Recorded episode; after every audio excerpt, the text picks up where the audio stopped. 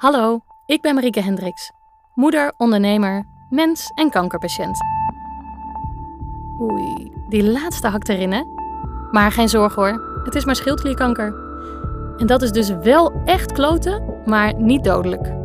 Je hoort in deze podcast alle tegenstrijdigheden, mijn te maken keuzes, mijn twijfels en uiteraard ook mijn positieve kijk op dit alles. Opgenomen van mijn twee jongens. Maar aangezien het een zeldzame vorm van kanker is, wellicht ook prettig om te luisteren als je zelf mee te maken hebt. Of gewoon omdat je me wil steunen. Mama heeft ouw. Laten we hopen dat het maar een korte podcastserie is.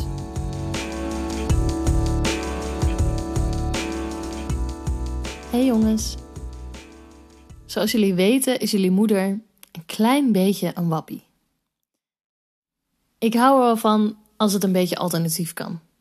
Ik ben heel blij dat er echte witte jassen zijn die er heel lang voor gestudeerd hebben. En dat ik geopereerd ben door een man die, nou, nee. Hij, ik was er wel geboren toen hij aan het werk was, maar ik, ik kon endocrinoloog toen zeker te weten nog niet uitspreken. Dat, maar ik vind het ook heel fijn om naar de homeopaat te gaan, om naar de acupuncturist te gaan, om naar andere zweverige dingen te gaan. En dat is iets wat ook heel goed werkt voor mij. Ik ben wel van de school die zegt dat alles gebeurt met een reden. En uh, hoewel dat nu godschuwelijk irritant is, helpt het me ook wel weer. Dus ja, zo kwam ik ook terecht bij een acupuncturist.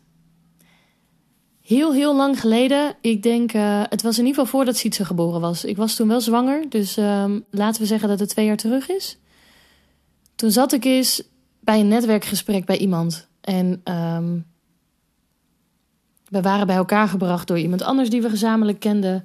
Uh, we hadden verder nog nooit van elkaar gehoord, maar wonen allebei in Enschede. Dus dachten, nou, laten we eens even koffie doen met elkaar. En ik zat bij hem op kantoor en hij vertelde over.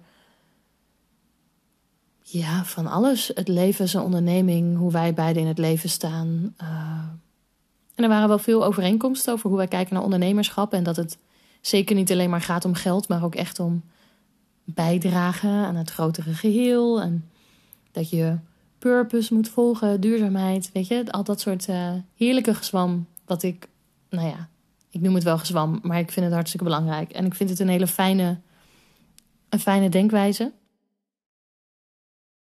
En hij vertelde dat hij eens op een Kamer van Koophandel informatiemiddag was. En dat hij daar zijn, uh, zijn uh, praatje hield. Hij is, was financieel adviseur en nou, een dag zoals alle anderen. Toen werd hij niet zo lang daarna werd hij door iemand gebeld en die zei: Laten wij eens even samen om tafel gaan. Ik was bij de Kamer van Koophandeldag en ik denk dat wij wel wat voor elkaar kunnen betekenen. En die man bleek acupuncturist te zijn. En um, heeft hem heel erg geholpen. Het, ging, uh, het bleek niet zo goed met hem te gaan. En de acupuncturist heeft hem er weer bovenop geholpen. En in dat netwerkgesprek vertelde hij erover. En hij zei dat het niet alleen een acupuncturist was, maar dat hij ook deed aan tonglezen. Nou, ja, sorry hoor, maar dan heb je gewoon mijn interesse wel gewekt. Dat is toch gewoon te gek voor woorden. Dat iemand je tong kan lezen en daaraan kan zien hoe gezond je bent. Dus ik had een aantekening in mijn telefoon gemaakt over hoe die acupuncturist heet met zijn praktijk. Want die man die had ook geen website, vertelde die. En uh, ik dacht, nou, als ik uh, ooit eens een keer iets grappigs wil doen aan selfcare, dan lijkt dit me wel een leuke. Nou, en zo gingen we gewoon rustig verder.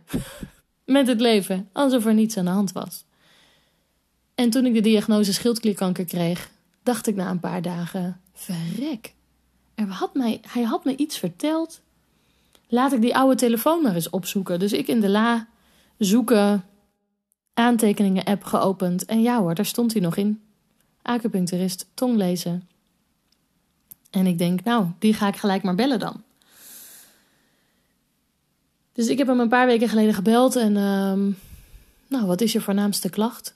Schildklierkanker. Ja, is toch een beetje, ik zeg het dan allemaal maar plom verloren, want ik denk we kunnen er wel omheen draaien. Maar uh, deze mensen zijn toch wel wat gewend, laten we hopen. Dus um, toen zei die dame ook: Oeh, nou, dat is uh, met jouw leeftijd zo. Nou, dat is niet, uh, dat is niet best. En toevallig kwam uh, de behandelaar net, uh, net de kamer uit. En die zei: Ik zal, uh, ik zal wel even kort met je praten. En ik, ik werd ingepland. En um, hij zei: Eigenlijk heb ik helemaal geen ruimte voor nieuwe patiënten. Zit ik, zit ik al overvol. maar oké, omdat Leon je doorgestuurd heeft, wil ik best ruimte voor je maken. En dat is, ehm, daar was ik natuurlijk super blij mee. En op dat moment lag ik een beetje chagrijnig in bed. Uh, met een zak chips, overigens. En um, vertelde hij mij: uh, Nou, we hebben pas volgende week onze eerste afspraak, maar bij deze ben je nu al bij mij onder behandeling en moet je direct beginnen met het keto-dieet. En ik dacht: shit, ik heb er wel eens van gehoord, maar wat is dat precies? Ja, geen, geen koolhydraten, geen fruit, geen suiker. En ik keek naar mijn zak chips en ik dacht: Oeh, die mag ik dus ook niet meer. Ik heb hem maar niet dicht gedaan terwijl ik hem aan de telefoon had. Ik denk, dan heeft hij me gelijk door. Dat, uh, laten we dat maar niet doen. Dus, uh, nou, zo gezegd, zo gedaan. Ik had prachtige bonbons gekregen van een vriendin. Echt van die hele mooie kunstwerkjes. Die heb ik uh, diezelfde avond nog meegenomen en, uh, en aan een andere vriendin doorgegeven. En gezegd, nou, ik, ik eet ze niet meer. We gingen die avond uit eten, dat ik ook echt een beetje zat te kijken van... oh shit, wat mag ik dan nog wel? We gingen heel lekker uit eten bij die Libanees. En dan heb je superveel van die bakjes met hummus en muamara en uh, verzin het allemaal maar. Met allemaal van het Libanese platbrood. Echt fantastisch lekker. Dus ik vroeg om een schaaltje met komkommer, zodat ik die in de hummus kon dopen. het voelde een beetje als begin van het einde. Maar ook heel fijn om, um, nou ja, wat ik de vorige keer al zei, een stukje controle te hebben en echt wat te kunnen doen en het gevoel te hebben zelf bij te kunnen dragen aan het beter worden. En toen ging ik de eerste keer naar de, naar de acupuncturist. Zat ik daar dinsdagochtend, kwart over acht, met mijn goede gedrag. Een formulier in te vullen met uh, nou, je, je anamnese, met uh, hoe, uh, wat zijn je klachten, waar heb je last van, wat zijn de klachten van je ouders, wat voor een ziektebeeld hebben zij. En, en een heel groot deel over het over de menstruatiecyclus erbij. Ik zal jullie die details besparen. Ik kan me voorstellen dat niemand erop zit te wachten. De luisteraars niet, mijn kinderen niet, niemand niet. Behalve de acupuncturist. Dus daar hebben we het over gehad. Maar hij zei wel van ja, daar zit wel het heikele punt. Um, daar zag hij wel een bepaald patroon in. Dat hij zegt van nou, ik begrijp wel dat je dan in je hormonale systeem een tumor krijgt. Um, en hij zei nog heel, heel, heel veel meer. Ik ben nog steeds bij hem onder behandeling, ben ik ook blij mee. Maar het is wel, ja, ik begon deze aflevering met dat ik een beetje een gekkie ben. En met deze valt dan wel een beetje in de categorie wappie. Want um, ook in, die, in het eerste gesprek werden er ook dingen gezegd over corona of over de medische industrie en, en, en dat allemaal. Dat ik op een gegeven moment ook zei: uh, van goh, ik ben het wel met je eens. Ik denk ook dat de medische industrie um, echt een verrot systeem is en dat het helemaal niet klopt. En dat er mensen zitten die ontzettend doen aan zelfverheerlijking en vergeten dat er ook mensen zijn die deze medicatie nodig hebben. Neem niet weg dat ik daarvoor niet hier ben. Dat is mijn strijd niet. Uh, dat is mijn gevecht niet op dit moment. Ik heb daar gewoon echt nul behoefte aan. Ik heb me daar wel eens zorgen over gemaakt in het leven, maar op dit moment, heel eerlijk, helemaal niks. Ik heb het al wel een tijdje geleden losgelaten. Dat heeft niet precies hiermee te maken. Maar ik denk dat dat. Nou ja, ik kies voor een, voor een andere aanpak. Laten we het zo zeggen. Ik denk wel dat, uh, dat het niet klopt. Maar ik denk ook dat ik degene ben. Dat ik niet degene ben, sorry. Die daar uh, actief aan wat moet doen. Of die zich daar actief druk om moet maken op dagelijkse basis. Dus dat had ik aangegeven en dat, um, dat hielp wel. Dus na eerst een, een zeer uitgebreide intake gingen we door naar een behandelkamer waar ik uh, wat naaltjes in mij kreeg.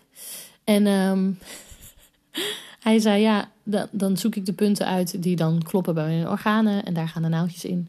En dat kan wel even zeer doen. Nou, zei ik, stoer als ik ben. Er is mij wel verteld dat ik een hoge pijngrens heb, dus ik denk dat dat wel goed zit. Ik ben niet zo van het zeggen dat het zeer doet. Ik zeg dan meer: Oh ja, dat voel ik wel. Of die is wel vervelend. Waar andere mensen dan heel veel pijn hebben. Nou, ik heb spijt dat ik dat gezegd heb. Jezus, dat was echt niet cool. Eerst drukte hij gewoon met zijn vingers op twee punten in mijn nek, die, uh, die ermee in verbinding staan. En ik riep gelijk, auw! En uh, toen moest ik ook lachen dat ik zei, nou, daar ga ik dan met mijn stoere praat. Ik zeg maar, dat was echt, uh, dat, dat deed echt zeer. Alsof hij heel hard in een blauwe plek drukte. En uh, toen de naaldjes erin gingen, deden sommige wat meer zeer dan de andere. Er gaat een deel in mijn voeten. die doen best zeer, want daar zitten natuurlijk veel bottenpezen, nou ja, gedoe onder. en wat in mijn buik gaat, daar is het lekker zacht. Dus die, die voel ik eigenlijk niet en die zijn ook niet vervelend. En dan gaat er nog uiteindelijk eentje op mijn hoofd. En ik vond die heel eng, maar die doet eigenlijk ook geen zeer. En hij stond, uh, hij stond een stuk te praten en te prediken. Terwijl ik op die behandelbank lag. Gewoon zo'n zo'n fysiotherapiebank, zeg maar. En hij stond dan een beetje ter hoogte van mijn heup te praten. Met zijn handen natuurlijk te praten. En in die hand had hij één zo'n naaldje vast. En ik, ik word echt, echt niet blij van naalden. Ik vind het echt niet leuk. Ik heb natuurlijk best wel wat bloed moeten prikken de laatste tijd. Maar uh, ik geef dan altijd mijn linkerarm aan de dame die het bloed prikt. en dan draai ik mijn hoofd naar rechts en ik doe mijn ogen dicht. En als het even mee zit, doe ik zelfs nog mijn rechterhand voor mijn ogen, dat ik het niet hoef te zien. Ik val er niet bij flauw of niks, maar ik probeer maar gewoon um, volledig mezelf te verstoppen voor die stomme naalden, wat ze moeten doen. En hij stond uit te wapperen met die naald en te doen. En ik zag dat ding de hele tijd. Dus ik zei op een gegeven moment ook tegen hem: Ik zeg, nou, wil je alsjeblieft die naald even wegstoppen? Want ik hoef hem niet te zien. Dat je, dat je ze in mijn lijf stopt tot daar aan toe. Maar ik wil, ik wil niet weten hoe groot die is, hoe klein die is, hoe dun die is. Ik wil het gewoon niet zien. Dus dat was vorige week. En uh, uh, het was wel bijzonder. Ik had niet zo heel veel naaldjes die eerste keer. En dan uh, ligt hij een dekentje over je heen en zegt hij: Nou, kom over een half uurtje wel weer terug. En daar lig je dan, gewoon een beetje te liggen. In je ondergoedje te wachten. Met allemaal naalden in je lijf. Dus bewegen durf je ook niet echt. Dus ik dacht, nou, probeer me maar gewoon zo goed mogelijk te ontspannen. En op een gegeven moment ging het best aardig. En uh, heb ik nog wat ademhalingsoefeningen mee naar huis gekregen. En, uh, nou, en dat was de eerste keer. En de tweede keer was het uh, al een heel stuk meer naalden. Um, en heb ik hem ook gezegd: Ik heb mijn beslissing gemaakt. Um, ik wil geopereerd worden. Ik wil naar de jodiumkamer. En ik wil niet via deze weg beter gemaakt worden. Ik wil niet via acupunctuur uh, er maar op geloven, vertrouwen dat het wel goed komt. En dat er nergens meer iets zit. Uh, wat. Uh, wat de internist me namelijk uitgelegd had, is: ik had al mijn tumor op mijn linker schildklier zitten. Die hebben ze daar uitgehaald. Alleen je schildklier zit natuurlijk tegen heel veel andere dingen ook aan. Het is niet alsof je gewoon um, ja, een blokje Lego eruit bakt, zeg maar. Ik denk dat je het nog beter kan vergelijken met een, met een hardgekookt ei. Je hebt het eigeel en het eiwit. En als je je eigeel in één keer uit je eiwit weet te pulken, zeg maar, dat je je vorkje erin steekt en dat je hem er in één keer uitpakt, dan zul je ook hele kleine stukjes eigeel zien zitten op het eiwit. Nou, en zo is het ook voor je schildklier die dan tegen je luchtpijp aan zit.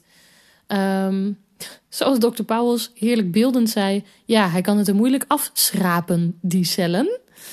Dat vond ik niet zo'n heel fijn idee. Maar, um, dus er zit gewoon nog wat. Er zit nog een beetje schildklier. En ze weten niet of die laatste cellen die er nog zitten, of dat schildkliercellen zijn, of dat het kankercellen zijn.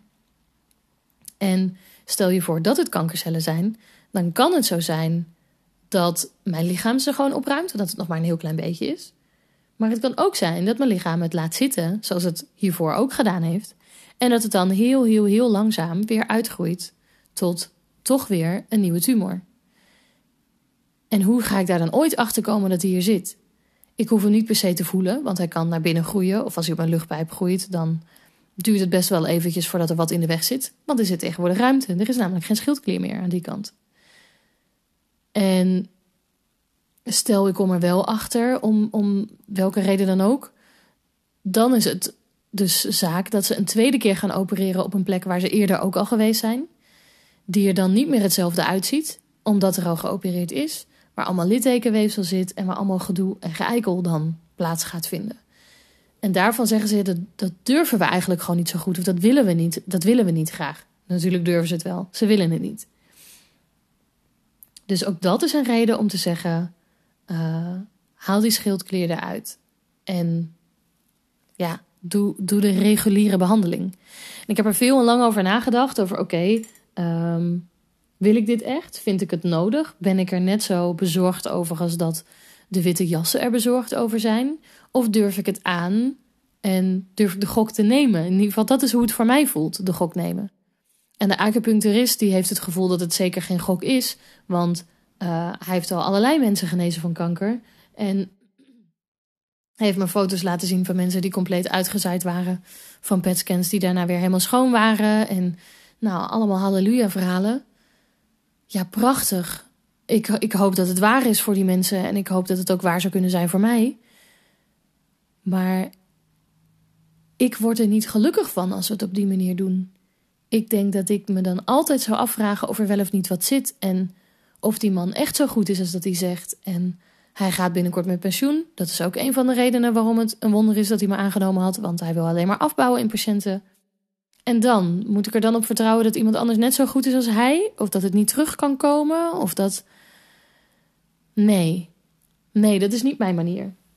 En bij gewone soorten kanker, of gewone, bij andere soorten kanker kun je soms nog in je bloed kijken naar, ja, weet ik veel. In de film hebben ze het altijd over T-cellen. Ik heb eigenlijk geen idee of dat waar is en of dat klopt met, met het verhaal dat ik hier hou. Maar um, je hebt tumormarkers en die kun je zien in je bloed. En in die tumormarker kun je dus zien of de, of de kanker groeit of gelijk blijft of krimpt. Alleen er bestaan geen tumormarkers, nog althans, voor schildklierkanker.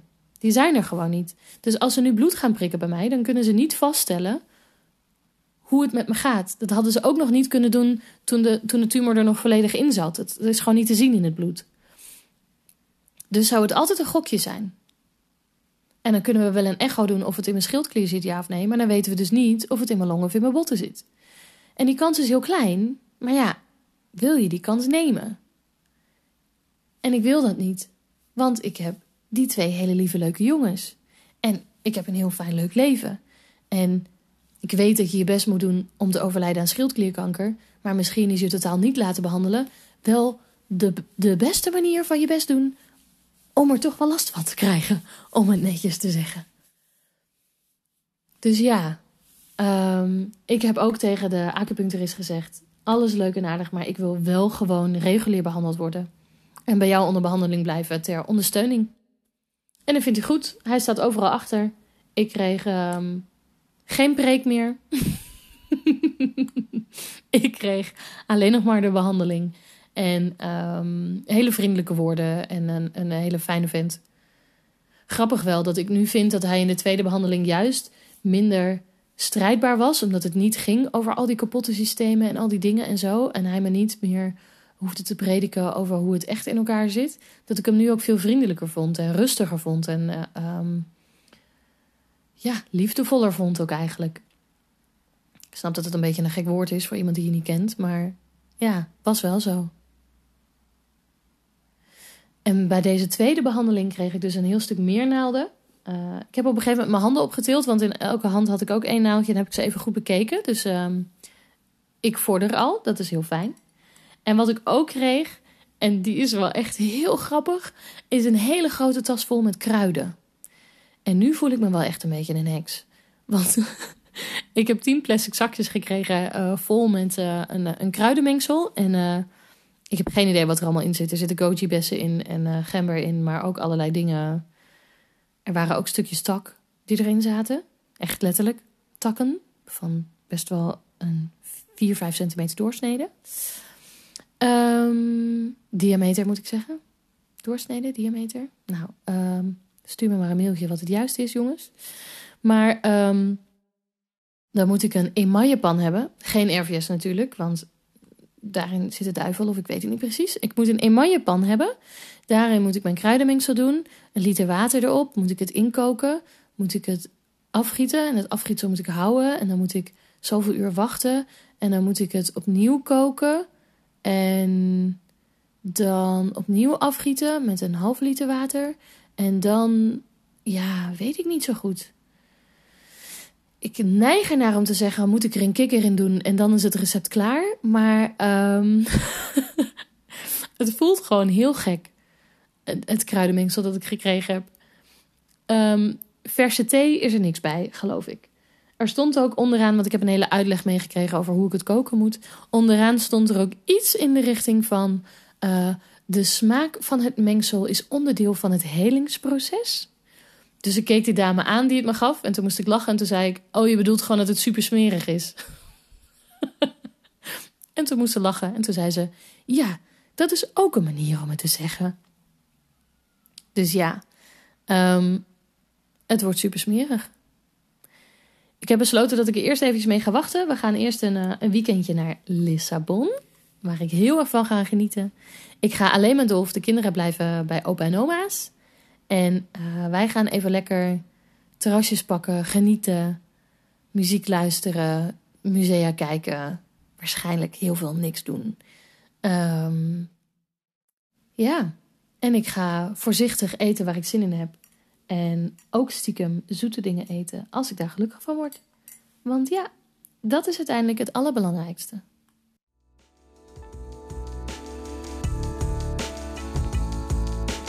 Wil je me helpen? Like en deel deze podcast dan. En schrijf een review op Apple Podcasts. Zo kunnen zoveel mogelijk mensen steun vinden in mijn verhaal.